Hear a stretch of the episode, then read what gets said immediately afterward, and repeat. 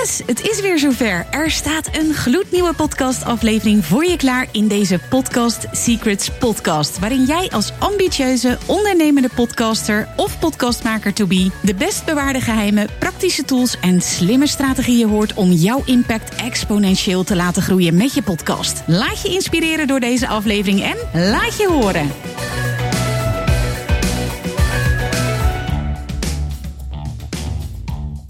Vanuit Podcast Studio Apeldoorn. Van harte welkom. Heel erg leuk dat je erbij bent. Ik zit hier vandaag met Tineke Zwart, online marketing coach en business coach. Van harte welkom Tineke. Heel erg leuk dat je erbij bent. Ja, dankjewel. Wat leuk om hier te zijn. En eindelijk eens iets met jou te doen. Ik heb bij jou het idee, we kennen elkaar al heus wel een tijdje, maar nog nooit echt iets samen gedaan. Dus uh, heel tof om hier te mogen zijn. Ja, tof. We gaan het natuurlijk hebben over jouw podcast, Tineke. I am excited. Echt waar. Want de reden dat ik jou heb gevraagd is dat je natuurlijk een hele mooie podcast hebt. En daarnaast heb je een heel mooi bedrijf gebouwd. En ik heb ontdekt, gehoord van jou, dat jouw podcast een grote bijdrage heeft uh, gegeven aan de groei van jouw bedrijf. En dat is natuurlijk wat wij willen weten. Alle geheimen achter jouw podcast, ah. achter de groei van jouw bedrijf. Dus uh, I'm super excited om jou daarover uh, over te mogen ondervragen. Dus laten we eens uh, bij het begin beginnen. Want wat was het eerste moment dat jij dacht: ja, ik ga podcasten? Dat was in, ik, want ik ben er weer helemaal ingedoken omdat ik wist dat ik dit interview ging hebben. April 2020. Dus dat is inmiddels bijna drie jaar geleden. En de aanleiding was, ik was altijd heel veel aan het adverteren. Ik stond ook altijd bekend als een beetje zo'n sales funnel expert en zo. Dus ik was altijd veel meer van advertenties op een gratis weggever. En van daaruit dan een webinar of een e-book of iets dergelijks. Maar op een gegeven moment werd dat steeds lastiger voor mij dan. Want ik val volgens Facebook zeg maar in de money making category. En daar houden ze niet zo van. Dus als je ook maar iets verkeerd schrijft, word je al geblokkeerd. En toen merkte ik in die fase dat ik steeds maar weer geblokkeerd werd. En ja, toen dipte mijn omzet gewoon. En dacht ik, shit man, ik ben gewoon veel te afhankelijk van dat platform. Dus er moet iets anders bij komen. En ik was toen op dat moment zelf al wel af en toe naar wat podcast aan het luisteren. En ik zag dat dat groot was in Amerika. En meestal wat groot is in Amerika, dat volgt een paar jaar later in Nederland. Dus ik dacht, oké, ik ga dit maar gewoon doen. En ik ben altijd een beetje van het houtje touwtje ondernemen. Dus niet al te complex en zo.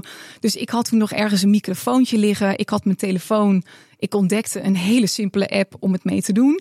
Ik had een week vrij en toen dacht ik, weet je wat, dit moet het moment maar zijn. En toen had ik inspiratie. Ik heb toen die eerste aflevering opgenomen, ook meteen online gezet. En ja, dat was eigenlijk een beetje de reden. En dat is daarna werd het veel groter. Want in de periode dat ik ging podcasten, toen merkte ik al van hey, het werd wat moeilijker met de ads. En op een gegeven moment werd ik zo hard geblokkeerd dat ik gewoon echt helemaal niks meer kon. En toen werd mijn podcast echt wel mijn main marketing uh, kanaal. Wauw. En dus 2020, begin van de coronatijd. Ik bedoel, nou, er was veel tijd om ook binnen te zitten. Je had ook kunnen zeggen van nou, ik ga om niet alleen afhankelijk te zijn van advertenties, bewijzen van spreken een boek schrijven. Of ik ga commercials maken op tv of ik op radio, whatever. Maar je dacht, ik ga podcasten. Waarom precies dat medium? Nou, ik wist toen al wel dat een e-book is heel waardevol. Social media is heel waardevol. Maar ik merk gewoon altijd, als je je energie ergens in kunt leggen. Dus op het moment dat mensen middels audio je stem horen of in een video is de conversie gewoon vaak veel hoger. Mensen leren je gewoon beter kennen, ze leren je energie voelen en je pikt ook altijd onbewust heel veel dingen op. Ik heb laatst iets gelezen over dat mensen met hun onderbewuste 600.000 keer sneller informatie verwerken dan vanuit onze bewuste. En dan merk je gewoon als je iemand stem hoort, je voelt al of het klopt of niet op de een of andere manier. En dat wist ik. En ik wilde voor mezelf ook graag beter worden in spreken. En ik dacht, ja, dan kan ik weer zo'n e-book gaan schrijven of een boek. Maar dan blijf ik een beetje in mijn comfortzone. En dan blijf ik in het textuele, van waaruit de conversie vaak nou ja, iets lastiger zeg maar, is. Dus toen was voor mij op een gegeven moment de keuze gewoon gemaakt van oké, ik ga volle bak inzetten op die podcast. Want dan kan ik steeds oefenen met mijn sprekersvaardigheden. Want ja, je bent toch aan het spreken op zo'n moment. En ik denk dat het de conversie gaat verhogen. En dat heeft het ook gedaan. Ja, vertel daar eens over. Want je bent dus begonnen in 2020. Je zei toen had ik nog wel een beetje uh, advertenties. Maar vervolgens zag je die conversies ook naar beneden lopen als ik je goed heb. Nou, ik werd geblokkeerd. Dus er waren helemaal geen conversies meer. Want ik kon niet meer adverteren. Dus het was in één keer gewoon in één klap was dat weg. Ja, jeetje. En toen ja. uh, ging je podcasten. En hoe heb je dan bijvoorbeeld mensen naar die podcast gekregen? Nou, dat is een ding, dat is een fout die ik heb gemaakt. Als ik daar achteraf op terugblik, denk ik, ik was helemaal niet zo bezig met mensen er naartoe sturen. Dus ik was veel te weinig aan het promoten via mijn nieuwsbrief of via mijn social media. Ik was gewoon aan het podcasten. En in het begin, ik weet niet of jij dat ook had met je podcast. Ik schaamde me nog een beetje. Dan had ik een aflevering en dan dacht ik echt, oh my god, ik zeg nog veel te veel e en a. Dus ik was ook niet heel trots of zo in het begin. Dus ik hield het een beetje klein, maar ik merkte al vrij snel dat het organisch dat hij voor mij een mega bereik heeft. En dat zie je vaker ook bij podcast. Want een podcast valt onder een zoekmachine, zeg maar. Tenminste, dat is zo. Mhm, toch dat als je zoekt op bepaalde woorden, dan komen er bepaalde afleveringen naar boven. En ik merkte binnen no time dat mijn focus lag altijd op een e-book. Maar een e-book wordt nooit gedeeld. Ik heb echt nog nooit in mijn hele ondernemersleven gehad dat iemand zei op stories: Ik heb net toch een waardevol e-book van Tineke Zwart gelezen. Gebeurt gewoon niet. En mijn podcast, iedereen ging dat delen en een, een podcast tip en dit. En dat ik echt dacht, wow. Dus het groeide een beetje uit zichzelf. En ik heb het niet heel veel gepromoot. Op een gegeven moment wel eens een aflevering, maar eigenlijk gewoon te weinig. Ik ben dat echt later pas gaan doen. Dus wat jij eigenlijk aangeeft is de fout die je maakte, was dat je hem onvoldoende gepromoot hebt. Ja, absoluut. Ik was te, nou, ik was toen nog gewoon een beetje te bang. Nu merk ik vaak, ik doe het meer, maar heel vaak vergeet ik het of zo. Dan zie ik ook wel heel snel die luisteraars oplopen. En dan denk ik, ach, iedereen weet het wel of zo. Terwijl altijd als ik het dan mm. toch even weer benoem in mijn nieuwsbrief of mijn social media, ja, dat doet iets met de luisteraars. Maar nu is het meer soms een beetje luiheid of uh, vergeetachtigheid. Maar um, er zijn veel subscribers. Wat ik wel op een gegeven moment heb gedaan, is mensen echt motiveren van subscribe jezelf voor het kanaal. En een van de lessen die ik heb geleerd is: je moet mensen echt exact vertellen wat ze moeten doen. En ook hoe ze het moeten doen. Dus op een gegeven moment wel echt heel erg daarop gefocust. Ook heel erg gefocust op referenties vragen. En dan ook echt uitleggen. Hè? Dus niet van, hey, wil je een referentie geven? Maar echt, oké, dan ga je naar Spotify en dan zie je links in beeld, zie je dat sterretje. Dan moet je daarop klikken.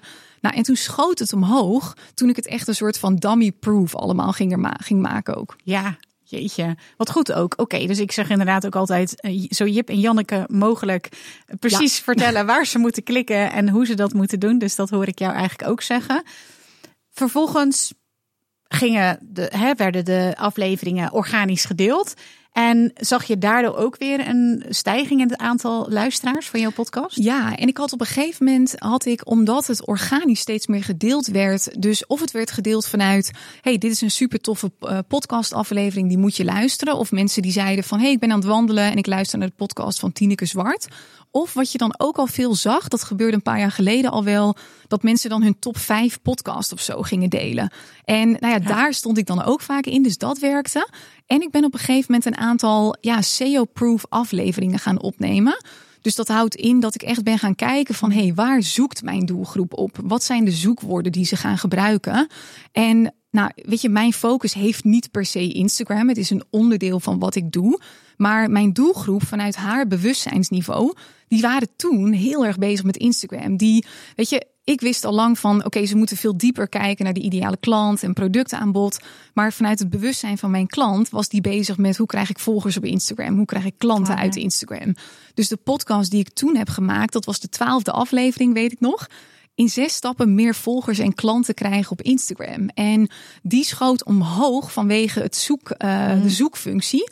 Nou, en dat was weer een podcast van waaruit mensen weer de andere podcast gingen beluisteren. En zo heb ik er nog een paar waarbij ik dus echt rekening heb gehouden met de zoekwoorden. Mm. Oh, super slim. Dus dit is echt een super goede tip als je meer luisteraars wil, is maak een aantal titels of een aantal, hè, neem een aantal afleveringen op waar van je al weet van dit is waar mijn ideale klant tegenaan loopt, slash opzoekt. Ja, precies dat. Hmm. En ik had het daar gisteren nog over met een aantal mensen in mijn webinar. Toen zei iemand, die gaf als voorbeeld, ja, mijn klant wil afvallen, maar wat ze nodig heeft is eigenlijk gewoon zelfliefde en zelfacceptatie. Dus ik wil het eigenlijk niet hebben over dat afvallen. En toen zei ik ook van ja, dat snap ik helemaal. Want jij weet al lang, dat heeft niks te maken met calorieën tellen of weet ik het wat allemaal. Maar dat is wel wat in het bewustzijn van je klant zit. En ze zeggen in het Engels heb je zo'n quote: Meet your customer where they are, not where you are. Weet je? Meet them when, where they are and then take them slowly to where you are, zeg mm. maar. Dus ja, je mag soms, mag je die taal gebruiken van je doelgroep en heel even meegaan in hun bewustzijnsniveau zodat je ze van daaruit kunt helpen naar het volgende. Dus in die podcast over Instagram geef ik zeker ook tips over hoe je dan volgers en klanten krijgt. Maar ik zeg ook op het einde van Instagram is belangrijk, maar er is nog veel meer dan dat. Mhm. Eerst begint het al bij je doelgroep. Dus van daaruit maak ik ze pas bewust. Oh, super mooie tip ook inderdaad. Dus ga niet uit van dat alles wat jij al weet. Want dat is alweer een heel stap verder. Jij bent mhm. bij wijze van spreken bij stap 10 al. Maar begin bij stap 1 en neem ze van daaruit mee naar stap 10. Ja, en daar zit voor mij ook altijd nog wel wat weerstand. Hè? Want dan krijg je soms van die hele uitgekoude woorden ook. Hè? Van dan heb je het weer over afvallen of over geld verdienen of iets dergelijks. Maar ik merk toch, in mijn geval dan, altijd als ik een podcast doe met 10k omzet of een miljoen of iets dergelijks, of alleen al het woord geld, ja, dat, dat triggert gewoon. Ook al zijn het van die containerwoorden. Uh, ja, mooi. Ja, hele mooie tips sowieso al. We zitten er nog maar net in, maar we zitten er al helemaal in. Echt eh, super mooi. Want nog even terug. Hè? Jij koos er dus voor om te gaan podcasten. En ik ben heel erg benieuwd. Heb je daar lang vooronderzoek voor gedaan? Vond je het lastig om te beginnen? Zag je ergens tegenop? Hoe was dat bij jou? Nou, ik weet nog dat ik toen op een gegeven moment een gesprek had met een vriendin van mij, Carlijn Quint. Ik weet niet, die ken je misschien ook wel, eens ook onderneemster. En die was toen helemaal een programma aan het volgen over podcasten. En ik dacht echt, programma volgen, ik weet het allemaal niet. ik was gewoon heel erg van de, de basics. Ik had gewoon een gratis app. Ik praatte in mijn telefoon. Dus ja, ik weet niet. Ik ben altijd een beetje van de ignorance is bliss soms met het ondernemen. Ik geloof heel erg in cursussen en dat soort dingen hoor. Maar soms dan kan, kan het je ook een beetje blokkeren of zo. Dat het te veel dat je in je hoofd gaat schieten. Dus ik ben toen gewoon echt op een random dag maar begonnen. Op een dag dat ik me net even goed voelde, zeg maar. Dat ik niet in mijn menstruatie zat, maar gewoon even in mijn goede uh, fase. Nou, toen ben ik begonnen en ik heb echt 0,0 onderzoek gedaan. Ik heb ook niet mezelf vastgepraat met wat moet de eerste podcast dan zijn? Oh, dat moet hmm. vast je verhaal zijn of iets dergelijks. Daar lopen mensen al op vast. Hè? Of uh, dan moet die acht minuten zijn of dan moet hij een half uur zijn.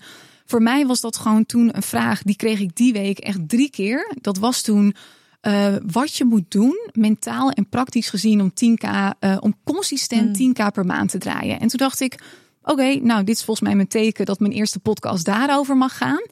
En ik, ik ben gewoon gaan opnemen. Ik heb het niet geëdit. Ik heb het meteen online gezet. Dus ik heb mezelf echt toestemming gegeven om het, om het makkelijk te mogen maken. Dat. Geen jingle bells, intro, outro, weet ik het wat. En dat is allemaal heel leuk. Maar ik heb het nog steeds niet. Ik merk ook mijn doelgroep die waardeert het ergens wel. Want ze spoelen bijvoorbeeld toch heel vaak al de intro door. En ik merk voor mezelf ook dat ik wil ondernemers heel graag herinneren aan het feit dat ondernemen makkelijk mag zijn. Mhm. Het hoeft niet te moeilijk. Zeker als je net ergens mee begint. En ik hoop dat mijn podcast ze daar ook net even dat setje in geeft. Toch zijn er heel veel mensen die zeggen van ja, ik vind het lastig. Ik weet niet waar ik moet beginnen. Ik zie op tegen de techniek. Ja, jij ja. bewijst eigenlijk al het tegendeel. Hoe zie je dat? Nee, ja, ik vind het altijd dat mensen het zo complex maken. Dan denk ik, uh, hoe, waar maak je het zo moeilijk? Dan mm. komen ze ook met vragen dat ik denk, oh, daar heb ik nog nooit in mijn leven over nagedacht. En ik moet wel zeggen, ik denk wel heel simpel vaak hoor. Maar ja, ik kwam op een gegeven moment terecht op de, de gratis app dan Anchor. A-N-C-H-O-R is dat. Ja, en toen merkte ik, ik weet niet, iemand gaf me die tip. Ik weet even niet meer wie. En nou, ik ben eigenlijk wel benieuwd naar jouw visie daarop, want er zitten wat nadelen uh, aan. Maar toen zag ik, hey, je kunt gewoon drukken op uh, opnemen, dan publiceren. En je kunt in die app editen en klaar. Het staat meteen op Spotify. En toen dacht ik, oké, nou dan doe ik dat maar. Ja, en ik denk niet te veel na of zo. Ik geloof ook altijd, als dan een bepaald onderwerp tot me komt, zoals toen met die 10k omzetmaanden, dan kies ik heel snel voor mezelf, oké, dat is dan het eerste onderwerp. Klaar. Hmm. Niet meer kapot denken, want dat is het probleem, want ze maken het te groot met de techniek. Ik denk dat ze al snel denken dat het zo moet, zoals wij nu zitten. Terwijl, hmm. ja, we zijn natuurlijk weer een heel niveau verder. En inmiddels, ik heb inmiddels ook echt professionele microfoons en we filmen het vaak, maar in het begin ja, toen durfde ik dat niet. Liep ik alleen maar vast. En heb ik het gewoon makkelijk gemaakt voor mezelf. Maar gewoon klein maken eigenlijk. Hmm, super mooi. Hoe, jij, hoe ben jij eigenlijk ooit begonnen? Ik had gesprekken met anderen. En ik dacht, hoe tof is het eigenlijk als ik hier een microfoon bij, zit, ja. bij zet? Want ja, hoe simpel kan het eigenlijk zijn als je interessante gesprekken hebt. En zeker als je luistert naar, ik noem het dan babbelpodcast nou ja, je hebt twee microfoons, drie, vier microfoons. Je hebt een aantal mensen. Ze praten met elkaar. En dat is de podcast. Ja. En dat zijn de meest populaire podcasts, zoals de Zelfspodcast, Mama Man de podcast, de Maart van Rossum podcast. Dat zijn één iemand, twee iemand, drie iemanden met een microfoon en ze praten. Dus ik dacht ook, ik heb ook hele interessante gesprekken. Ik zet er gewoon een microfoon bij. Ja, en dat was de, mijn eerste simpel. podcast. Ja, en ben jij toen ook begonnen met gewoon dit soort microfoons al? Of ook gewoon echt super simpel? Ja, heel simpel inderdaad. Gewoon een webinar microfoon. Ehm, en nu overigens in mijn eigen podcast, mijn Hoekton Business podcast, podcast ik ook met gewoon mijn telefoon. En dat vind ik ook heel leuk om van mijn klanten te horen. Dat ze ook dat doen als ze aan het autorijden zijn of aan het wandelen zijn. En dat ze het inderdaad ook heel simpel maken. Ja, en ik moet ook wel vaak denken aan uh, Kim Munnekom. Heeft volgens mij een van de grotere ondernemerspodcasts. Nou, soms luister ik daarna en dan denk ik, ik kan je bijna niet eens verstaan. Weet je, als je zit in de auto en totaal niet professioneel. Maar het voelt ook wel weer dichtbij of zo. Alsof je met iemand aan het bellen bent. Het, het hoeft allemaal niet zo complex. Maar ik weet wel, ik heb ooit gelezen dat jij wel iets zegt over Enker. Van dan is het niet van jou of zo, toch? Ja. Misschien is dat nog wel belangrijk om te benoemen voordat ik uh, hier vet loop te promoten. Nou, ik ben ook zeker wel fan van Enker, omdat het dat ook wel echt de drempel verlaagt om te gaan podcasten. Dus wat dat betreft ben ik fan van Enker. Ik zeg wel altijd van. Um, weet wel dat er twee nadelen zijn. Het eerste is dat je wat minder analysegegevens hebt in je app. En als je een betaalde app hebt, heb je vaak kun je wat dieper erin kijken. Hoe lang luisteren mensen? Waar haken ze dan af? Nou ja, nog veel meer. Enker heeft dat wat minder. En uh, het andere nadeel is inderdaad dat het niet van jou is. Je load het up bij Enker. Je uh, zegt uh, akkoord tegen de, um, tegen de voorwaarden. En ja, zij kunnen ook iets met jouw content doen. Ik heb nog nooit gehoord dat dat is gebeurd. Maar aan de andere kant, ja, het is voor mij wel echt ook heel belangrijk onderdeel in mijn business. En dus ja, heb ik ervoor gekozen om wel een betaalde app uh, te kiezen. Welke gebruik jij dan? Ik gebruik voor de ene Springcast en oh voor de andere ja. een andere app. Waar ik even nu niet op kom. Maar in ieder geval vind ik ook wel weer leuk om twee gebruikerservaringen te hebben en dat ook weer aan mijn klanten te kunnen doorgeven ja, dat is eigenlijk de reden voor mij. Ik vind Anchor ook ja, makkelijk omdat het gratis is. Je kan, het, het is echt plug and play. Je kan uh, iets opnemen. Je kan je intro al van tevoren hebben klaarstaan en dat ja, ervoor plakken. Het is heel simpel. Ja, en je hebt dan ook nog eens geen intro en outro, wat ik ook echt super cool vind. Dat ik ja, denk, het is meteen, ja, het is wel een beetje een soort van bam er keihard in. Maar ja, ik doe dan wel meestal een soort dat ik mensen heel even laat landen of zo. Dat ik eerst even over een soort van koetjes en kalfjes begin. En dus niet meteen zo bam de inhoud in. Dat, dat doe ik dan wel. Maar ja, heel veel mensen doen dat ook niet en dat werkt ook. Dus ja. Ja, je koos ervoor toen je begon om zowel solo-afleveringen als interviews te doen. De solo-afleveringen, die uh, zijn wel de meeste die je hebt. Hè? Ja. Wat maakte dat je voor die vormen koos? Nou, voor de solo-afleveringen, dat was meteen al wel duidelijk. Want uiteindelijk, ja, mijn business draait wel. Of tenminste, ik ben mijn business. Dus mensen die komen uiteindelijk heel veel bij mij om mij en om mijn kennis om de manier waarop ik teach. Dus ik dacht van ja, weet je, in mijn programma zullen ze ook heel veel naar mij alleen moeten luisteren. En ik wilde dan altijd voor zorgen dat wat ik aan de voorkant van mijn business doe, dus de, de marketing die ik heb, dat dat aansluit bij wat ik aan de achterkant doe. En ja, in mijn online omgeving heb ik heel veel video's met alleen mij. Dus ja, ik dacht, dan wil ik die podcast daarop aansluiten. Uh, dus dat was een reden. En die interviews kwamen erbij, omdat ik vind het altijd gewoon heel leuk om met mensen in gesprek te gaan. Ja, ik ben nu even de interviewee, maar ik heb ook honderdduizend vragen voor jou. ik, ik, interview altijd altijd een beetje terug. Ik heb gewoon een oprechte interesse in andere mensen. En ik had een beetje hetzelfde als jij, dat ik ook dacht van ja, het is zonde om dit allemaal niet op te nemen. Want er zijn zoveel inspirerende mensen die ik spreek. En twee andere redenen. Aan de ene kant was het een stukje social proof voor mij. Want heel vaak zijn dat dan wel mijn klanten of mijn oud-klanten. Uh, die dan, ja, weet je, ik, ik doe dan niet de podcast zoals volgens mij doet Suzanne van Schaik dat meer. Die gaat echt in gesprek over wat heeft het traject voor je betekend. En die promoot daarmee iets meer haar eigen traject. Dat doe ik dan niet. Uh, dat is misschien strategisch niet helemaal de beste keuze. Maar ik weet niet, daar voel ik dan niet zo de behoefte. Voelt voor mij dan uh, om te doen een klein beetje awkward voor mezelf. Dus uh, ik doe het altijd gewoon een soort indirect. We praten even over dat iemand klant bij me is. Soms benoemt iemand wel wat, wat het heeft opgeleverd. Maar verder laat ik iemand vooral door eigen verhaal doen. En ik vind het leuk als laatste reden om andere mensen gewoon een kans te gunnen. Ik heb mezelf toen ik ging ondernemen een belofte gemaakt. Ik ga naar de top, zeg maar financieel, mentaal, uh, spiritueel. En ik ga zoveel mogelijk mensen met me meenemen. En ik merkte op een gegeven moment dat ik een bepaalde naam had opgebouwd. En ik dacht, ja, ik heb een beetje de. Mm, het klinkt altijd een beetje plat, maar de macht om mensen ook wel groot te maken. En er zijn zoveel toffe klanten die ik heb, die nog niet het podium hebben, maar wel de, de, de kunde, de kennis. Mm. En ik geef hun graag een podium en ze halen er zoveel uit. Dus ik weet nu, als mensen in mijn podcast komen, halen ze er bijna altijd klanten uit. En ik gun dat ook sommige mensen. Maar daardoor hou ik het wel bijna altijd bij vrienden die ik er dan inlaat. En ook klanten en oud-klanten. Ja. ja. ja. En als het gaat over bijvoorbeeld een goede uh, solo-aflevering, wat ik jou heel sterk vind doen. Ik denk dat we daar ook heel veel van kunnen leren als uh, kijker, als luisteraar. Hoe zie jij dat? Hoe bouw je dat op? Hoe bereid je dat voor? Kun je ons daar eens in meenemen? Ja, dus echt een beetje de inhoudelijke opbouw daarvan. Ja, van 10 keer per maand. Ik noem maar wat, die eerste aflevering die jij zei. Hoe bouw je dat nu goed op? Hoe bereid je dat voor? Nou, ik doe als minimale voorbereiding. Uh, nou, soms ook niet trouwens. Ik heb nu een beetje twee strategieën daarin. Of ik heb inspiratie over een bepaald onderwerp en ik doe een paar steekwoorden in een Word-documentje. En dan neem ik het op. Ik, ik moet het niet helemaal uittypen, want dan loop ik juist een beetje vast. Of ik heb bijvoorbeeld al een nieuwsbrief ergens over geschreven. Daar haal ik een paar zinnen dan uit. En dan heb ik ook zeg maar de opbouw. En dan is het hmm. meestal een soort podcastversie van de nieuwsbrief. Dat ben ik wel meer gaan doen ik merkte op een gegeven moment dat ik voor alle kanalen steeds maar weer nieuwe content aan het bedenken was. Dus ik mocht van mezelf niet, als ik dan een nieuwsbrief had geschreven, dan moest de podcast weer ergens anders over gaan. Maar ja, ik merkte op een gegeven moment ook, ik had superveel podcastluisteraars die helemaal niet op mijn nieuwsbrief stonden, die mij helemaal niet volgen op Instagram. En toen dacht ik, ja, iedereen heeft ook wel een beetje een andere voorkeursmanier. De ene die houdt van lezen, de ander van luisteren. Mm. Dus ik ben veel meer die content gaan gebruiken op beide uh, dingen. Nou, en wat mijn opbouw eigenlijk altijd is, ik heb wel een soort trapsysteempje.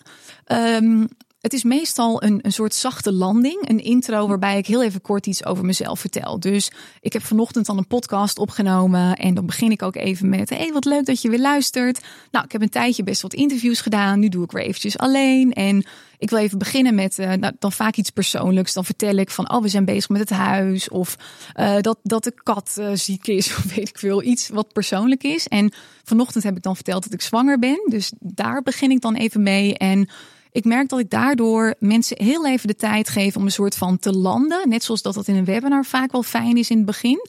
Maar ook om mensen een persoonlijke band met mij op te laten bouwen. En sommige mensen zeggen weer, ja, je moet meteen de kern in en meteen een goede bold statement hebben in het begin. Ben ik het ook wel mee eens. Soms doe ik dat. Maar ik geloof ook heel erg in die persoonlijke relatie. Dus daarom is dat het beginstuk. En daarna komt bij mij altijd een soort van de intro van het onderwerp. Dus vanochtend ging dat even over de crisis ik merk dat er heel veel ondernemers zijn die nu mij vragen stellen als hoe ga je om met de crisis en de afname van klanten? Hoe beweeg je daardoor heen? Dus dan maak ik een soort brug van hey, we gaan het even hierover hebben. Ik krijg die vraag namelijk veel. En mijn visie is heel anders dan anderen. Dus dan verkoop ik hem wel om door te luisteren. Mm.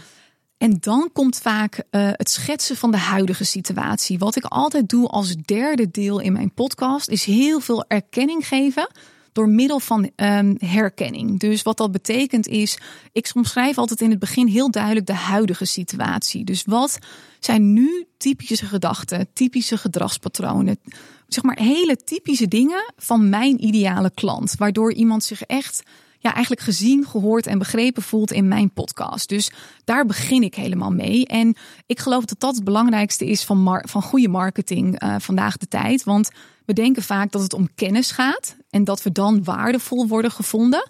Maar kennis, ja, kennis kun je overal gratis vinden tegenwoordig. Dat kun je googlen, dat kun je op YouTube vinden. En juist als je in staat bent om mensen een bepaald gevoel te geven, en erkenning is de belangrijkste behoefte van veel mensen na zekerheid. Kijk, dan ontstaat er iets magisch. Dan ontstaat het dat mensen tegen jou zeggen: ik heb eigenlijk geen geld, maar ik ga het regelen. Hmm. Omdat ze in de emotie zijn getriggerd. En mijn podcast bestaat dus als derde onderdeel uit dat stuk. En daarna komt er vaak een stukje um, urgentie. Van hé, hey, waarom is het nou belangrijk om anders naar een crisis te kijken? En dan komt pas de kennis. Dus het stukje uitleg, het stukje tips of iets dergelijks.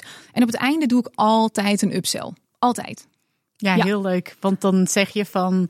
Um oké, je hebt nu geluisterd. Ik wil je graag vertellen over iets wat ik binnenkort ga organiseren. Of waar je binnenkort voor kan inschrijven. Dat vind ik ook heel leuk hoe je dat brugje maakt. Maar aan de andere kant ook helemaal niet. Want je weet gewoon, oké, aan het einde vertel je iets over hoe ik de volgende stap kan zetten eigenlijk Klopt, als ja. Weet je, ik, weet, ik las op een gegeven moment een boek, How to Sell Like Crazy, is van een of andere Australische ondernemer. En daar stond een soort piramide in. En daar stond in, 3% van de mensen die jou volgen, die is koopklaar klaar om bij jou te kopen. Maar mensen zijn lui tegenwoordig. Hè? Dus het, het moet ze vaak in de schoot worden geworpen. Dus ik dacht, ik doe gewoon in elke podcast een upsell. Want 3% is koopklaar. En de rest die drukt maar op stop en die gaat weer verder met zijn of haar dag. Maar die 3% die wil verder. En daar doen mensen ook zo moeilijk over. Hè? Want maar hoe laat je dat dan aansluiten bij de inhoud? Mhm. Ja, niet. Uh, als het aansluit is dat mooi. Maar ik heb het vanochtend over de, de crisis gehad. En vervolgens zeg ik, oh ja, oké, nog even iets heel anders. Ik heb ook nog een toffe mm, webinar binnenkort. Klaar. Ja. ook niet zo moeilijk maken. Ja, dat vind ik ook heel, heel herkenbaar en ook heel leuk en licht. En ja, dan wordt het ook niet zwaar en je weet het. En ja, heel, heel... Je, je doelgroep ontvangt het, ontvangt het vaak met de zwaarte die jij eraan geeft. Doordat ik het gewoon heel licht en luchtig hou, ja. wordt het voor hen ook licht en luchtig. En ik neem er wel de tijd voor. Dus het is niet zo dat ik echt een soort van twee zinnen zeg over het aanbod. Ik vind dat, weet je, goed verkopen. Dan mag je juist de ruimte innemen voor je aanbod. En in een podcast zijn mensen al helemaal lui om vervolgens hmm. iets te openen, naar een link te gaan betalen. Ander kanaal. Ja, dus ik, ik lees bijna de hele salespagina zeg maar voor. En ik neem ze er helemaal in mee. En dan doe ik de, uh, uh, dan zeg ik van ga of naar een makkelijke link. En dat is ook nog wel een interessante. Wat ik in het begin deed, dan zat ik in zo'n podcast op te ratelen. Ga naar tinekezwart.com slash business, middenstreepje boost, middenstreepje academy. Nou, heel, heel ding. Nu heb ik allemaal van die short links. Dus mm. ga naar tinekezwart.com slash BBA. Of ik had met kerst een special, dat heette de Holiday Special Mastermind. tinekezwart.com slash kerst. Gewoon heel kort. En die link dan ook in de show notes zetten. Wauw, dat was toen. ja, je geeft ons al zoveel tips. Echt. Ja, voor mij zijn dit allemaal van die dingen dat ik denk, oh, dit is toch logisch, weet toch iedereen. Maar goed, dat is toch altijd weer anders. Uh, kijk, ik denk dat er een heleboel online marketing coaches slash business coaches zijn die een podcast hebben. Hetgeen verschilt is dat jij ook nog eens een hele succesvolle podcast hebt en een hele succesvolle business. Dus daar is iets, die combinatie die ik natuurlijk ook heel fascinerend vind. Dat is ook helemaal mijn ding. Wat, wat ik zo interessant vind aan, aan, aan jou, uh, die, dat je die combinatie zo goed onder de knie hebt. Waar zit dat geheim? Wat, wat is dat geheim? Waarom loopt jouw podcast zo goed? Waarom laat je je bedrijf daardoor groeien? Wat, wat is het geheim? Ja, poeh, ik, nou, ik denk sowieso dat stuk erkenning. Ik, ik doe daar echt heel veel van. Waardoor mensen um, ja, zich vooral gezien, gehoord en begrepen voelen. Dus de focus. Mensen zeggen vaak, je geeft heel veel waarde. Maar het is waarde in de vorm van erkenning. Eigenlijk door middel van herkenning. Daar zit het hem in. En het zit hem ook wel in echt radicale eerlijkheid, transparantie. Ik, jij vroeg mij van tevoren ook, is er iets waar je niet over wilt praten? Ja, echt helemaal niks. Je mag alles van me weten. Ik, ik ben gewoon een open boek. Dus ik deel ook vaak gewoon super open en eerlijk mijn cijfers. En kijk, dat zijn wel hele goede cijfers, zeg maar. Dus het, het maakt wel dat mensen denken van, oh tof, dit is een ondernemer die het voor elkaar heeft. Dus daar willen we wel naar luisteren. Um, en het, het is een beetje, ik denk dat het een combinatie is, mijn podcast. Van aan de ene kant dat het serieuze waarde is. Aan de andere kant heb ik ook altijd wel een soort lol met mezelf of zo. Ik weet niet, ik moet altijd wel een beetje lachen om mezelf in mijn podcast. En ik ben ook altijd wel een beetje plat qua humor of zo. En dat zit er ook in. Dus ik, ik denk dat het ook niet te zwaar voelt allemaal. Dat is denk ik een belangrijke. En dat ik gewoon in elke podcast echt verkoop. Gewoon continu. En dat daardoor mensen ook steeds weer die switch maken van de podcast naar betaalde klant uh, worden. En dit is ook nog wel een interessante. Ik heb op een gegeven moment, toen uh, dacht ik tijdens een lancering van de BBA, ik dacht, hey, wat nou als ik gewoon een volledige sales podcast ga opnemen? Had ik echt een hele dikke blokkade, want ik dacht, een podcast moet altijd waardevol zijn, weet je wel. Maar ik dacht, ik ga het gewoon een keer proberen. Want er zijn mensen die zijn al te lui om een mhm. salespagina te lezen. Dus ik was de podcast begonnen met: oké jongens, dit wordt even compleet iets anders. Het is een, een sales podcast, dus ik ga geen waarde geven. Ik zei: eh, luister gerust als je wilt leren hoe ik dat doe, maar het, het is niet waarde. Nou, en daar zijn toen zoveel klanten uitgekomen. Dus nu doe ik af en toe dat ik gewoon mijn hele salespagina zeg maar voorlees. En dat dat een podcast is. Dus, dus de podcast is wel gewoon ook ja, eigenlijk rete commercieel. Daar zit ook denk ik een stuk succes in. Maar ik vind dit zo interessant, want ik hoor natuurlijk heel veel klanten die zeggen ik wil geld verdienen met mijn podcast, maar ik wil niet dat het te salesy is. En jij zegt eigenlijk, Hoezo niet salesy? We doen een hele sales ja, in een, podcast aflevering. En dat doe ik niet veel. Hè. Kijk, er stonden al wel toen echt 150 afleveringen online. Maar het coole aan een podcast is, Kijk, het is niet eens zoals met een e-mail dat het in je nieuwsbox uh, geflikkerd wordt, zeg maar. Zo van, nou, ga maar lezen. Je kunt echt letterlijk zelf kiezen met dat je scrolt door dat lijstje op Spotify. Ga ik dit openen, ja of nee? En mensen die nog helemaal niet klaar zijn voor mijn BBA, ja, die gaan ook helemaal niet luisteren. Moeten ze ook helemaal niet doen. Maar iemand die wel net zit te denken van, hey, wil ik nou verder, ja of nee? Voor hem of haar is het rete interessant. En ik had ook, nou, ik had uiteindelijk uh, nou, de helft van de luisteraars dan normaal, zeg maar. Maar ik had al heel snel binnen de eerste, wat was het, eerste week of zo, al 200 luisteraars. Dat ik echt dacht, oké, dit werkt dus blijkbaar wel. Ja, en ik denk ook altijd, ik ga ervan uit dat iedereen die met mij in aanraking komt, dat hij ooit klant bij me wil worden. Dat is ergens is dat een hele arrogante gedachte misschien wel, maar aan de andere kant, ja, je, je hebt toch bepaalde kennis, je hebt bepaalde kunde ik denk uiteindelijk wil iedereen een keer verder met mij, toch? Dus is het niet fantastisch en lekker gemakkelijk als ik het ze gewoon in de schoot werp? Dus ik, mm. ik weet niet, ik denk er een beetje anders over. Ja. Je gaf al aan, in de eerste week had ik 200 luisteraars. Wat zijn nu ongeveer de gemiddelde luistercijfers per aflevering? Ja, het is de laatste tijd heel erg gegroeid. En ik moet zeggen, ik weet even niet waardoor dat precies is. Ik denk dat het een soort van bepaald momentum is wat je op een gegeven moment krijgt. Uh, ik heb ook bij Celine Charlotte laatst mijn podcast uh, gepromoot. Dat toen schoot het ook omhoog. En ik zit nu vaak in de eerste 24 uur zijn er meestal 200 luisteraars. En dat zijn dus allemaal subscribers, want dan heb ik het echt nog nergens uh, gedeeld verder. daarna gaat het meestal nu vrij snel binnen twee weken ongeveer loopt hij dan op naar de 600, 700. En dan daarna gaat hij vaak zo over de duizend heen. Maar ik moet wel zeggen, het wisselt bij mij best wel erg. Dus de ene podcast die blijft echt gewoon hangen op een gegeven moment. En de ander die gaat echt binnen no time over die duizend. Hm. Merk jij dat verschil ook heel erg? Ja, ik merkte dat bij mijn Hoekton Business podcast wel vaak toen ik nog aan het interviewen was. Maar nu zit ik heel consistent rond de 100 eh, downloads uh, per in de eerste 24 uur. Ja. Die blijft eigenlijk altijd een beetje hetzelfde. Dat zijn volgens mij gewoon de, um, gewoon de, harde, kern, ja, Die, die luistert. En daar, die blijft eigenlijk altijd een beetje hetzelfde. Ja. Maar toen ik nog aan het interviewen was, ik denk dat dat ook komt omdat mensen dan denken van, oh ja, die vind ik wel interessant, die ga ik wel luisteren. Daar was het veel, veel, de ene is veel hoger dan de ander. Dus daar merkte ik het zeker wel aan. Daar, daar was het veel fluctuerender dan, dan nu. Klopt, ik merk dat ook bij de interviews. En de meeste worden wel echt minder beluisterd. Tenzij ik iemand heb als. Nou, morgen gaat er een podcast online met Celine Charlotte. Ik denk dat die veel beluisterd hmm. gaat worden. Ik heb Vivian Reis gehad, is een van mijn oud klanten. Nadja van Os is ook wel een hele grote, is ook een van mijn oud klanten. En ja, zij hebben duizenden volgers. Dus als zij het weer delen, dan komt ook hun netwerk zeg maar erbij. Nou, en dat was wel onderdeel van de strategie voor mij ook. Kijk, dat zijn dan oud klanten van mij. Ik geef hun heel graag een podium, maar zij delen het ook weer, waardoor ik ook weer bij heel veel mensen terechtkom. Dus het is, het is een win-win uiteindelijk. Um, maar ik merk bij mij dus echt, als ik het heb over mijn doelgroep is heel geldgedreven volgens mij. Ze doen allemaal alsof ze dat niet zijn. Want iedereen zegt dat oh, het gaat me niet om het geld. Maar ondertussen luisteren ze allemaal naar dat soort podcast.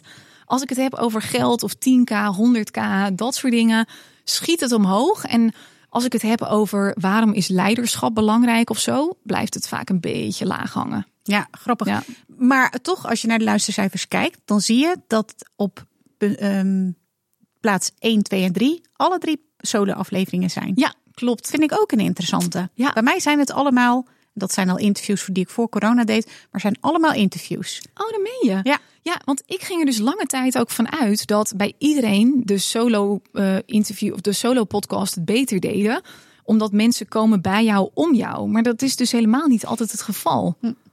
Nee, grappig inderdaad. Bij mij zijn zelfs de eerste tien zijn alleen maar solo afleveringen. Grappig, heel ja. grappig. En ik heb je ook eens horen zeggen dat titels waarin je het hebt over geld, dat die het ook heel goed doen. Ja. Is bij mij ook helemaal niet. Dus dat is ook niet per se dat dat zo is.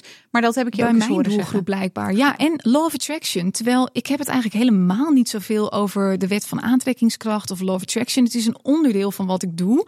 Ik geloof erin, maar het is een heel klein onderdeel. Maar als ik dat in de titel verwerk, dan schiet het ook echt omhoog. Ja. Mm. Maar ik denk dat ik dan misschien iets meer ook de particulieren nog aantrek die zoeken op woorden als love attraction. Dat ik dan een beetje meer de, de Kim Munnekom luisteraars of zo aantrek. Ja, sommige dingen zijn nog steeds een raadsel voor me hoor. Ik uh, weet het ook niet allemaal. Nee. Grappig. Ik zie trouwens bij mijn andere podcast, dus mijn Podcast Masters podcast, daar zitten de luisteraantallen ook weer veel hoger. En die uh, daar zijn de solo-afleveringen ook weer. Maar daar willen mensen echt mm. weten van... oké, welke microfoon heb ik nu nodig? Ja, is praktischer. Uh, dat, is, dat is wat praktischer. Ja, en ik denk bij mij... want ik, ik geef wel... Ik, ik speel heel erg in op dat stukje erkenning en herkenning. Maar ik geef uiteindelijk wel echt veel waarde. En ik, ik doe wel een beetje van dat waar een beetje left-brained mensen wel van houden. Ik doe heel vaak van die lijstjes. Dus echt mm. de tien stappen om of zes tips om. En ik, ik, merk dat heel veel mensen daar wel van houden. Dus het is altijd heel concreet. Je mm. weet exact van tevoren wat het je oplevert. En ik merk, ja, mijn doelgroep houdt daarvan. En dat zit veel meer in mijn individuele podcast ook. Ja, en welke podcast ook goed doen als ik mijn eigen persoonlijke journey zeg maar deel. En dan het liefst met een beetje de, de juicy stuff, weet je wel. Dat ik, uh, ik heb bijvoorbeeld een tijd geleden over gehad over ik lach er even helemaal af. Dit is waarom. Is natuurlijk ook wel een titel dat je denkt, oké, een beetje clickbait misschien. Maar ja, ik lach er ook echt even af. Dus dat was het ook gewoon. En ik heb dan het idee dat ik iets minder de startende ondernemers daarmee aantrek. Want die boeit dat soms niet. Die willen gewoon weten wat moet ik doen en hoe moet ik het doen. Maar dat ik dan veel meer de wat meer high-end ondernemers aantrek die zelf ook in wat meer transformatie zitten en zo. Dus dan trek een ander publiek aan. Ja, ja. interessant. Heel interessant wat je deelt. Nu heb je op een gegeven moment ook de keuze gemaakt dat je een betaalde podcast ging aanbieden. Of in ieder geval, laat ik het zo zeggen, betaalde audio's. Mhm. Wat maakte dat je, die, uh, dat je dat besluit hebt genomen en dat je die bijvoorbeeld niet op je gewone podcast hebt gezet? Ik denk dat het zeker ook voor meer gevorderde ondernemers ook weer heel interessant is om dat verhaal te horen. Klopt. Nou, twee dingen eigenlijk. Ik dacht op een gegeven moment. Ik probeer mijn aanbod altijd een beetje aan te sluiten bij wat ik aan de voorkant doe van mijn business. Dus wat ik net ook zei, hè, over uh, dat het dan moet lijken op elkaar. Want wat heel veel ondernemers doen, die gaan in de voorkant van hun business gaan ze appels weggeven om vervolgens peren te verkopen, zeg maar. Dat, dat, ja, dan, dan hebben ze bijvoorbeeld een weggever wat een receptenboek is. En vervolgens gaan ze je leren afvallen. Wat eigenlijk totaal niet met elkaar te maken hoeft te hebben. Um, dus ik dacht, hey, ik heb eigenlijk helemaal niks met audio aan de achterkant, dus in mijn aanbod. Terwijl ik dat wel heel veel doe aan de voorkant. Dus toen dacht ik, hey, volgens mij moet ik daar gewoon een betaald product van maken. Toen dacht ik wel van, oeh, ik weet niet of dat gaat werken, want mensen zijn gewend dat een podcast gratis is. Niet alleen van mij, maar van heel veel mensen. Maar toen dacht ik toch, het voelde op een gegeven moment voor mij niet meer een verhouding of zo. Dat heb ik nu helemaal niet. Maar ik had op een gegeven moment zoveel waarde gedeeld dat ik echt dacht, het voelt niet oké meer of zo. Ik geloof heel erg in overvloed hoor en in geven en dat het bij me terugkomt. Maar er is toch een soort tipping point blijkbaar. En ik had zoiets van, het, het is uit verhouding. Ik geef te veel voor wat ik er nog voor terugkrijg qua financiën uit deze podcast. Dus toen dacht ik, ik ga het toch anders doen. Ik ga, want ik was toen zeven dagen in de week aan het podcasten. En toen dacht ik, ik ga vier keer per week gratis, drie keer per week betaald. En nou ja, dat was toen de reden om het zo te doen. 97 euro ex-BTW. Wat ook nog eens in vier termijnen van 25 euro betaald kon worden. Het was echt no-brainer op die manier. Nou, heel leuk, ook voor starters natuurlijk. Ja, was voor starters ook leuk. En uh, uiteindelijk zaten daar 120 mensen. Ja, 120, 118, zoiets was het, uh, zaten daarin. Wat tof. En ik heb het niet eens heel erg gepromoot. Want ik vond het een beetje, het was in de zomervakantie. En ik was zelf een beetje aan het eh, relaxen ook nog wel. En ik vond het ook een beetje spannend wel. Want ik had het idee van, oh, mensen hebben er vast een oordeel op. Zo van, nou, iedereen doet dat gratis. En dan kom jij weer met je betaalde dingen aan. Jij commerciële trut, want je bent al zo commercieel. Maar nee, dat werkte gewoon goed. Ja. Wat leuk. Wat leuk. Wat zijn jouw learnings daaruit? Zou je het weer doen bijvoorbeeld? Of? Ja, ik wil het weer gaan doen. Ik ga binnenkort een membership lanceren en ik wil daar iets met audio gaan doen. Meer nog dan ik in mijn vorige membership deed, want daar ben ik op een gegeven moment mee gestopt. Maar wat um, ik had toen met die um, betaalde dat ik drie per week deed. Dat was echt te intensief. Want dan had ik beloofd op vrijdag krijg je die podcast. En dan wachtte ik toch vaak tot vrijdag. Want ja, ik maakte op maandag, dinsdag, woensdag, donderdag deed ik al de gratis podcast. Dus het was eigenlijk veel te veel. En dan was ik die hele vrijdag bezig met podcasten. Dus er zat iets te veel druk achter. Dus nu zou ik het één keer in de week doen. Maar het was wel echt tof, want het voelt alsof je iets meer in een community zit. Mensen reageren ook wat meer, want normaal weet ik heel vaak niet wie mijn podcast beluistert. En hier wist ik exact wie luisterde en er ontstond veel meer een soort community gevoel. En ik had wel, ik ging wel dieper. Dus die podcasts waren vaak echt wel nou, drie kwartier tot een uur. Terwijl mijn gratis podcasts zijn meestal 20, 30 minuten. Dus, maar daar lag ook wel een beetje druk van mezelf. Zo van, oh, dan moet ik hier nog wel dieper. Waardoor ik achteraf dacht van, mm, het was eigenlijk een beetje te goedkoop voor wat ik allemaal weg heb uh, gegeven. Maar zo so be het. Uiteindelijk, heel veel mensen die waren echt van, toen ik stopte daarmee, toen was het klaar na drie maanden, zeiden van, oh, ik ga dit echt missen. Want elke week was ik onderdeel van hun leven. Dus de conversie vanaf daar naar mijn BBA lag heel hoog toen. Hmm, ja. Interessant. En dat lag weer veel hoger dan vanuit de gratis. Maar goed, dat is ook wel logisch. Hè? Want je trekt mensen vanuit je gratis podcast. Daar trek je de harde kern vandaan. Die gaan naar de betaalde. Dan ben je drie maanden een soort van intensief met hun. Ook omdat ik daarin nog veel meer eerlijker mijn eigen ding deelde. Dus de persoonlijke band wordt dieper. En dan is de upsell misschien ook makkelijker. Hmm. Ja. ja, interessant. Mooie, mooie learnings die je met ons deelt. Ja, ik ben blij dat ik het gedaan heb. Ook al mhm. was ik daarna heel blij dat het klaar was. Omdat ik gewoon best wel een beetje moe was van de intensiviteit. Maar het was echt tof, ja. Want je zegt ik ga het weer doen. Je had voorheen ook challenges dat je elke dag ging podcasten. Is dat dus definitief niet meer? Je gaat het altijd opknippen? Dat, ik ga nu niet meer. Ik wilde toen op een gegeven moment een soort slinger geven aan mijn podcast. En ik had toen van uh, Kim Munnekom, die had in haar podcast gedeeld dat zij het vijf dagen per week doet. En nou, zij groeide ook echt super snel. Dus ik dacht, oh, ik ga dat ook gewoon mezelf een kans geven. Maar voor mij is dat toch te intensief. Ik weet niet, het, het is toch niet helemaal mijn ding. Dus uh, ik wil mezelf gewoon wat meer gunnen om iets relaxter te doen. Ik ben nu ook weer begonnen met adverteren. Dus dat is ook weer up and running. Het voelt ook alsof er iets minder afhankelijkheid is mm. van de podcast. En ik merk dat als ik het van mezelf zeven dagen per week moet doen, dan is mijn energie niet goed of zo. Want dan, dan voelt het voor mij als een moetje. En ik, ik wil een podcast maken als ik er echt zin in heb. Dat een luisteraar ook echt voelt, of dat nou bewust of onbewust is. Hey, ze heeft zin om hier te zijn. Hmm. Het komt niet een soort van uit haar tenen geperst. Wat is volgens jou nu het geheim? Hè? Daar begonnen we mee. En het lijkt me heel leuk om daar nog even zo uh, al op, uh, nou, als achteraf op terug te kijken. Um, daar begonnen we mee dat jij dus de ultieme sweet spot hebt gevonden tussen een succesvol bedrijf en een fantastische podcast hebben. Goed beluisterde podcast. Dat willen wij als ondernemers allemaal heel graag. Want we willen daar niet heel veel tijd mee kwijt zijn en gedoe. En we willen gewoon dat het onder de streep ook oplevert. Wat is dan volgens jou het geheim, eh, de uh, ultieme cocktail om dat te doen? Om dat te doen. Oké, okay, paar dingen. Um, als eerste, mijn podcast begint al voordat ik op record uh, heb gedrukt. Dus ik denk wat heel veel mensen of bewust of onbewust voelen, is dat een podcast niet vanuit een soort dienende energie of zo is gemaakt. Dat iemand het doet toch vanuit de verkramping van ik moet verkopen of ik moet een podcast opnemen. Want mijn business coach zei dat, weet je wel, een beetje zo. Wat ik altijd doe voorafgaand aan een podcast, maar bijna bij al mijn content doe ik dat. Ik doe eerst altijd een soort korte meditatie. Ik doe altijd mijn benen op de grond, doe mijn ogen dicht. En dan, ik weet niet, ik probeer mezelf dan te zien als een soort channel die gewoon een bepaalde boodschap mag uh, delen. Het, het komt via mij. Ik mag het delen met uh, mijn doelgroep. En ik weet niet, ik zeg dan ook altijd tegen mezelf: laat het mensen helpen. Wat er ook tot me komt straks. Ik, ik hoop gewoon dat dit net even iemands dag beter gaat maken. Dat iemand hierdoor een fijn gevoel krijgt. Dat iemand denkt: hé, hey, je kan er weer tegenaan na even een dipje. En ik denk dat mensen, of dat nou bewust is of onbewust, ik denk dat ze die intentie uh, voelen. En Suzanne Beukema zegt ook altijd wel mooi, en volgens mij heeft ze dat weer van iemand anders hoor, maar de quote is heel mooi. Uh, your energy always speaks louder than your words. En ik hmm. zorg dat mijn energie dus kloppend is. En ik denk toch dat dat iets doet, waardoor mensen voelen, ze zit hier echt voor mij. Ook al is het commercieel, het, het, het heeft echt als doel om iemand te helpen. Dus dat als eerste. Tweede is toch wel, denk ik, het, het persoonlijke en het, um, het feit dat ik ook gewoon nog e en a en, en dat soort dingen uh, zeg. Het is niet tot in den treuren geëdit, waardoor het denk ik menselijk voelt of zo. Hmm. Waardoor mensen het idee hebben van, hé, hey, ze is dichtbij me. En dat werkt ook wel eens tegen me hoor. Want ik, ik, ben, ik val soms wel een beetje te veel in de girl next door category, zeg maar. Sommige mensen die hebben ook het idee dat ik een soort van hun vriendin ben.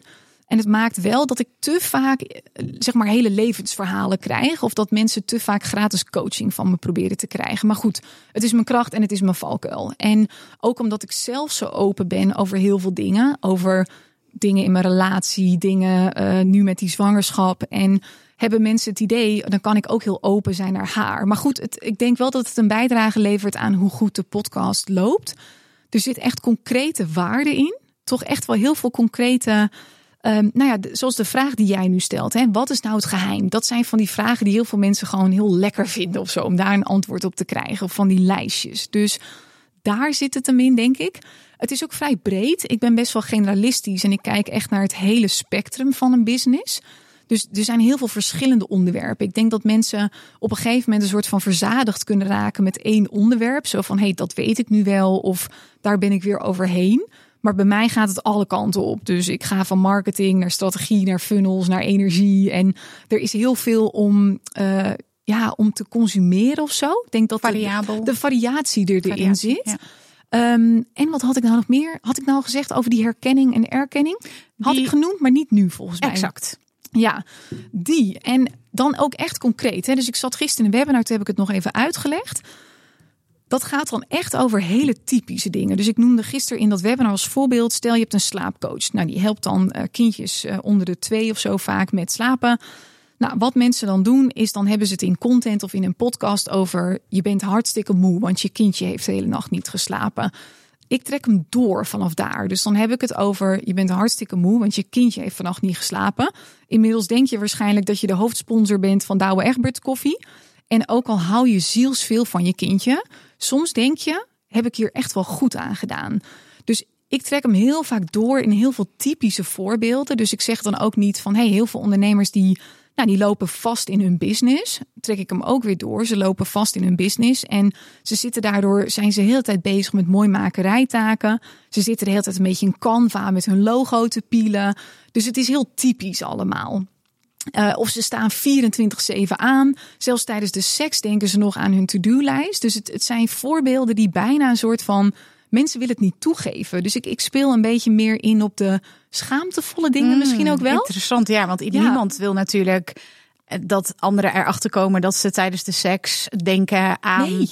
Uh, wat heb ik nog te doen? Uh, Precies. Terwijl ja. ik denk dat 90% dat wel eens gedaan heeft. Zeker als ondernemer. Ik lig soms dat ik denk, oh kut, dan krijg ik in één keer inspiratie voor een post. Lig ik hier? Ja, weet je, we, we kunnen het daar niet over hebben. Maar omdat ik weet dat zoveel van mijn doelgroep daar last van hebben. En als ik dat noem en ik neem daarvan, ik geef expressie daarmee aan hun woorden, aan hun gevoel, voelen ze zich zoveel dieper gezien hmm. dan wanneer ik het alleen maar heb over je bent hartstikke druk in je hoofd en je ligt s'nachts te malen. Het gaat anders. Net als met dat kindje. Ja, als moeder zeg je niet tegen andere mensen, tenminste heel veel moeders niet. Ik weet niet of ik hier wel goed aan heb gedaan. Want je kunt je kind niet zomaar wegbrengen. En iedereen doet altijd alsof het, alsof het het mooiste is in de hele wereld. En dat is het ook. Maar voor heel veel mensen is het daarna ook af en toe gewoon KUT. Dus ik, ik ben zeg maar een soort van, ik weet niet, ik zeg waar het op staat en ik benoem de, de, de hele rauwe dingen of zo. Ja, concreet ingaan op schaamte. Echt super mooie ja. handvatten ook. Ja. Ik denk dat dat hem is. Ik zit even te denken, heb ik nog iets eh, wat ik eruit kan halen? Ik weet niet. Heb jij iets van mijn podcast waarvan je denkt, ik denk dat dat een geheim is? Ik denk dat jij inderdaad heel goed weet waar jouw doelgroep uithangt. Maar misschien mhm. heb je die nog niet gezegd. Dat je, dat vind ik heel knap. Dat je heel goed weet wie jouw ideale klant is. Of in ieder geval, dat idee heb ik als luisteraar. Dat je dat heel goed weet. En dat je hele concrete voorbeelden geeft. Ja. En dat je het op, ja, dat, dat is voor mij ook zeker wel een succesingrediënt van jou uh, podcast, is dat je het opdeelt in een hele duidelijke structuur. En daar houden hmm. mensen gewoon van. Ja. De tien stappen om de drie ingrediënten. Ja, je weet waar je aan toe bent of zo. Manieren. Ja, Dat, dat is gewoon heel fijn. Je weet precies waar je naar gaat luisteren als je hem aanklikt. Ja. En dat vinden mensen ah, ja. fijn. En het moet wel bij je passen. Hè? Want ik weet na mij vanmiddag komt Anne Kwaars in de studio. Nou, Anne is helemaal niet van de lijstjes. En bij haar past weer een heel ander uh, format. Maar ik denk dat heel veel mensen die zullen in mijn format zeg maar passen. Of in mijn format is helemaal niet mijn format. Maar je snapt vast wat ik bedoel. En ja, voor hen werkt het weer wel. Ja, en dan is het heel fijn om ook een voorbeeld te hebben. Niet om te kopiëren, maar vooral ook om daar weer helemaal je eigen ding van te maken. Ja. En daar geef jij eh, een heel mooi voorbeeld eh, van. Um, in dit gesprek. Ja, ik zie dat we echt alweer uh, behoorlijk Hoe lang zijn we bezig? Oh mijn god, bijna een uur zelfs. Ongelooflijk. Ja, je hebt zoveel te delen. Je hebt ook al zoveel, weet je, over hoe je gestart bent, maar ook hoe je luisteraars hebt gekregen, hoe je nog meer luisteraars hebt gekregen, hoe je ervoor zorgt hoe je geld kan verdienen met je podcast, wat je geheimen zijn. Nou, ik, uh, ik, uh, ik, ik, ja, ik vind het fantastisch ja. wat je allemaal deelt. Dus dank je wel. Nou, ik hoef zelf geen podcast over podcasten meer op te nemen. Ik verwijs ze gewoon naar deze. Ja, leuk. Nou, we hebben alles wel gedeeld volgens mij. Ja, fantastisch. Is er dan nog iets wat ik ben vergeten te vragen? Jeetje, nou die vraag stel ik ook altijd op het einde in een interview podcast. Volgens mij heb ik echt bijna alles wel uh, gedeeld. Misschien dat mensen van mij nog willen weten welke microfoon of zo ik dan gebruik. Want oh, dat is leuk. Die vraag krijg ik heel vaak toen ik startte. Ik heb nu dan echt wel zo'n heel professioneel ding. Nou, mijn vriend regelt dat allemaal. Ik weet niet eens hoe dat ding heet.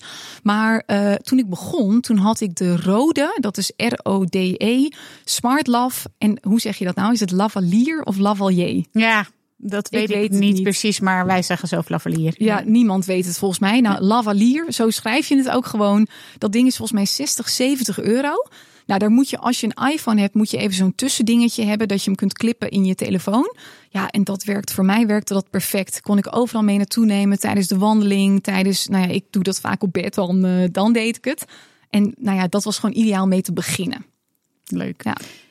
Ja, het, hetgeen wat ik nog heel graag van je zou willen weten is: hoe zie jij jouw podcast over vijf of over tien jaar? Bestaat die dan nog? Is dat in dezelfde vorm? Heb je nog bepaalde verlangens als het gaat over je podcast? Ja, oh, goede vraag.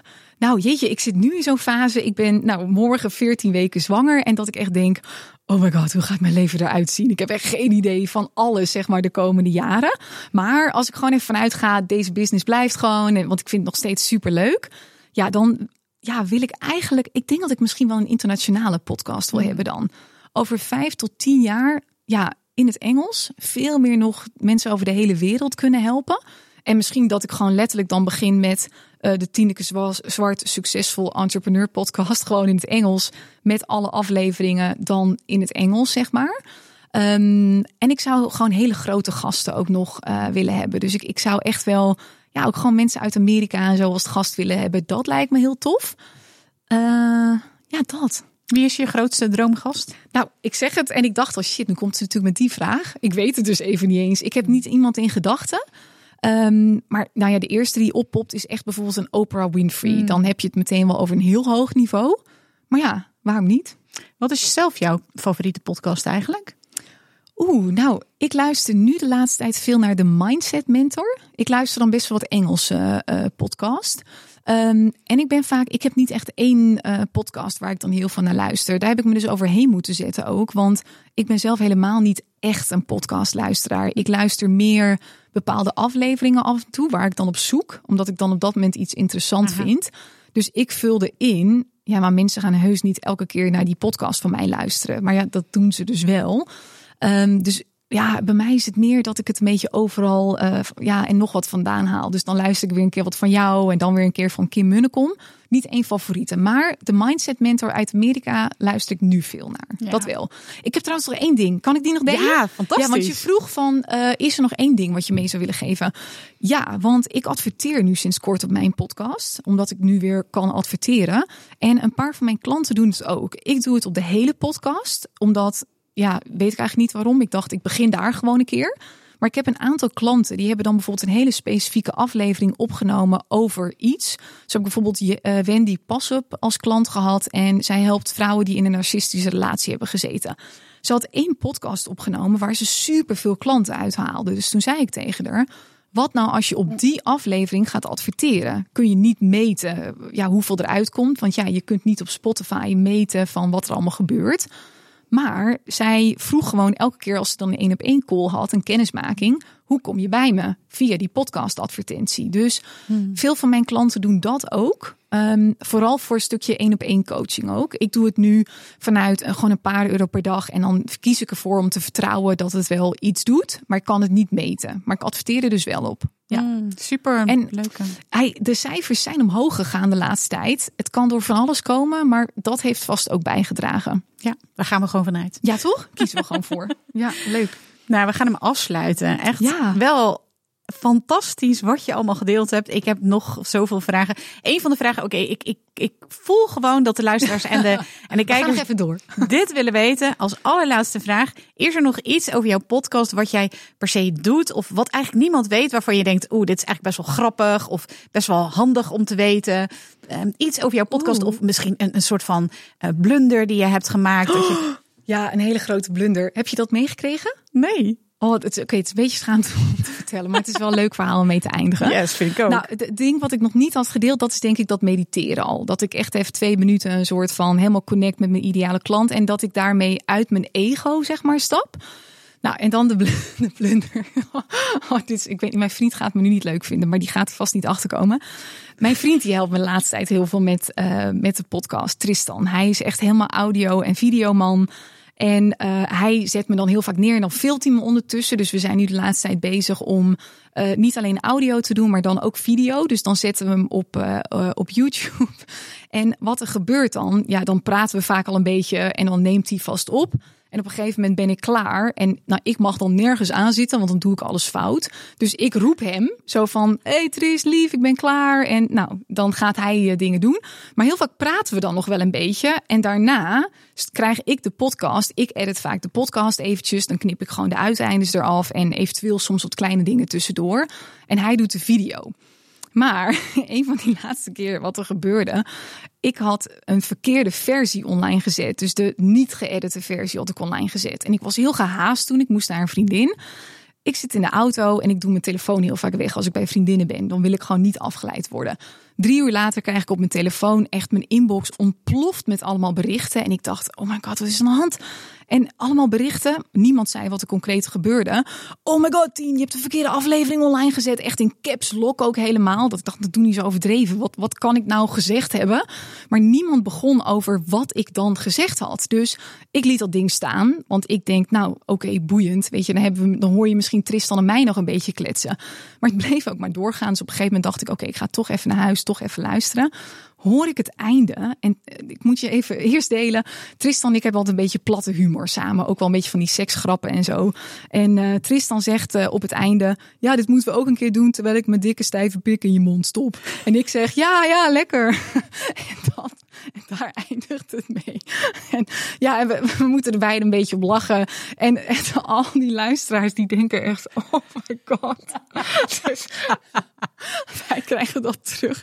En nou, hij was echt al door 150 mensen of zo beluisterd. En iedereen die ging dat natuurlijk ook weer doorsturen aan elkaar. Dus ik hoorde dat weer van andere mensen. Dus de dag erna heb ik het ook maar gedeeld in mijn nieuwsbrief. Want ik dacht, oké, if you don't own the story, the story will own you. Ik hoorde nog steeds verhalen over. Maar dat was de allergrootste blunder. Nou, fantastisch. Nou, en voor ons was het gewoon een grap. En heel veel mensen die, ja, ik weet niet. Maar goed, de meeste konden erom lachen volgens mij. En jullie vast gelukkig ook. ontluisteraars, maar prima. Ja, ik zie dat de mensen hier ook moeten lachen. ja, fantastisch. Wauw, Tineke, echt heel gaaf. Echt heel erg tof dat je er was. En je al, onze, uh, al jouw geheim met ons wilde delen. En uh, nou ja, zelfs deze, deze blunder ja. met ons wilde delen. Hier ga ik dan straks in de auto zitten en denk ik, shit, wat heb ik nou gezegd? Het maar was nee, eigenlijk al, het was eigenlijk al, had het, was het alweer verdwenen en nu heb ik het zelf weer ter ja, sprake gebracht. Heb ik het weer naar boven Misschien gebracht. kan ik wel nee. gaan uh, adverteren op deze aflevering. Ja, precies. Wie weet inderdaad. nou ja, maar weet je, dit soort dingen gebeuren. Ik wil mensen ook laten weten, dit soort dingen gebeuren ook bij mij. Ik ben zo vaak afgegaan en toch kan ik nog steeds succesvol zijn. Dus als, het, als ik het kan, dan kan jij het ook, toch? Kan iedereen het. Zeker. Ja. Nou, dankjewel. dankjewel. Hier gaan we mee eindigen. Leuk. Dankjewel uh, dat je er was. En dankjewel voor het kijken en het luisteren. En heel graag tot een volgende aflevering. Superleuk dat je weer luisterde naar een aflevering van mijn podcast Secrets Podcast. Ik kijk er alweer naar uit om een volgende aflevering voor je op te nemen. Tot dan! In de tussentijd heb ik nog een aantal hele toffe dingen voor je. Ben je een podcast starter en ben je door het luisteren van deze aflevering enthousiast geworden om je eigen podcast te starten? Schrijf je dan nu in voor mijn podcast masterclass, waarin ik mijn beproefde supersnelle podcast startformule deel, die inmiddels honderden podcastmakers to be succesvol toepasten. Ga naar mirjamhegger.nl slash masterclass, meld je even aan en je doet gratis mee. Heb je al een podcast en wil je meer mensen bereiken en geld verdienen met je podcast? Kom dan zeker naar mijn masterclass De Podcast Code Gekraakt, waarin je ontdekt hoe je viral kunt gaan met je podcast. Ga naar mirjamhegger.nl/slash gekraakt, meld je even aan en je doet gratis mee. Dus ben je een podcast starter? Ga naar mirjamhegger.nl slash masterclass. Heb je al een podcast? Ga naar mirjamhegger.nl slash gekraakt. Als je deze podcast luistert, is de kans groot dat je dol bent op podcasten. En het ondernemerschap. Luister dan ook zeker even naar mijn andere podcast die ik sinds 2018 maak. De Hooked on Business podcast. In deze podcast krijg je een exclusief kijkje in mijn ondernemersavonturen, keuzes die ik maak en ik deel concrete tips over alles wat met het ondernemen te maken heeft. Mijn Hooked on Business podcast vind je gewoon op alle podcastkanalen als je even zoekt op mijn naam. Ook kun je mij volgen op Instagram, waar ik dagelijks interessante posts en stories deel via Mirjam Hegger Podcast Expert. Een hele mooie dag gewenst, tot snel en natuurlijk laat je horen.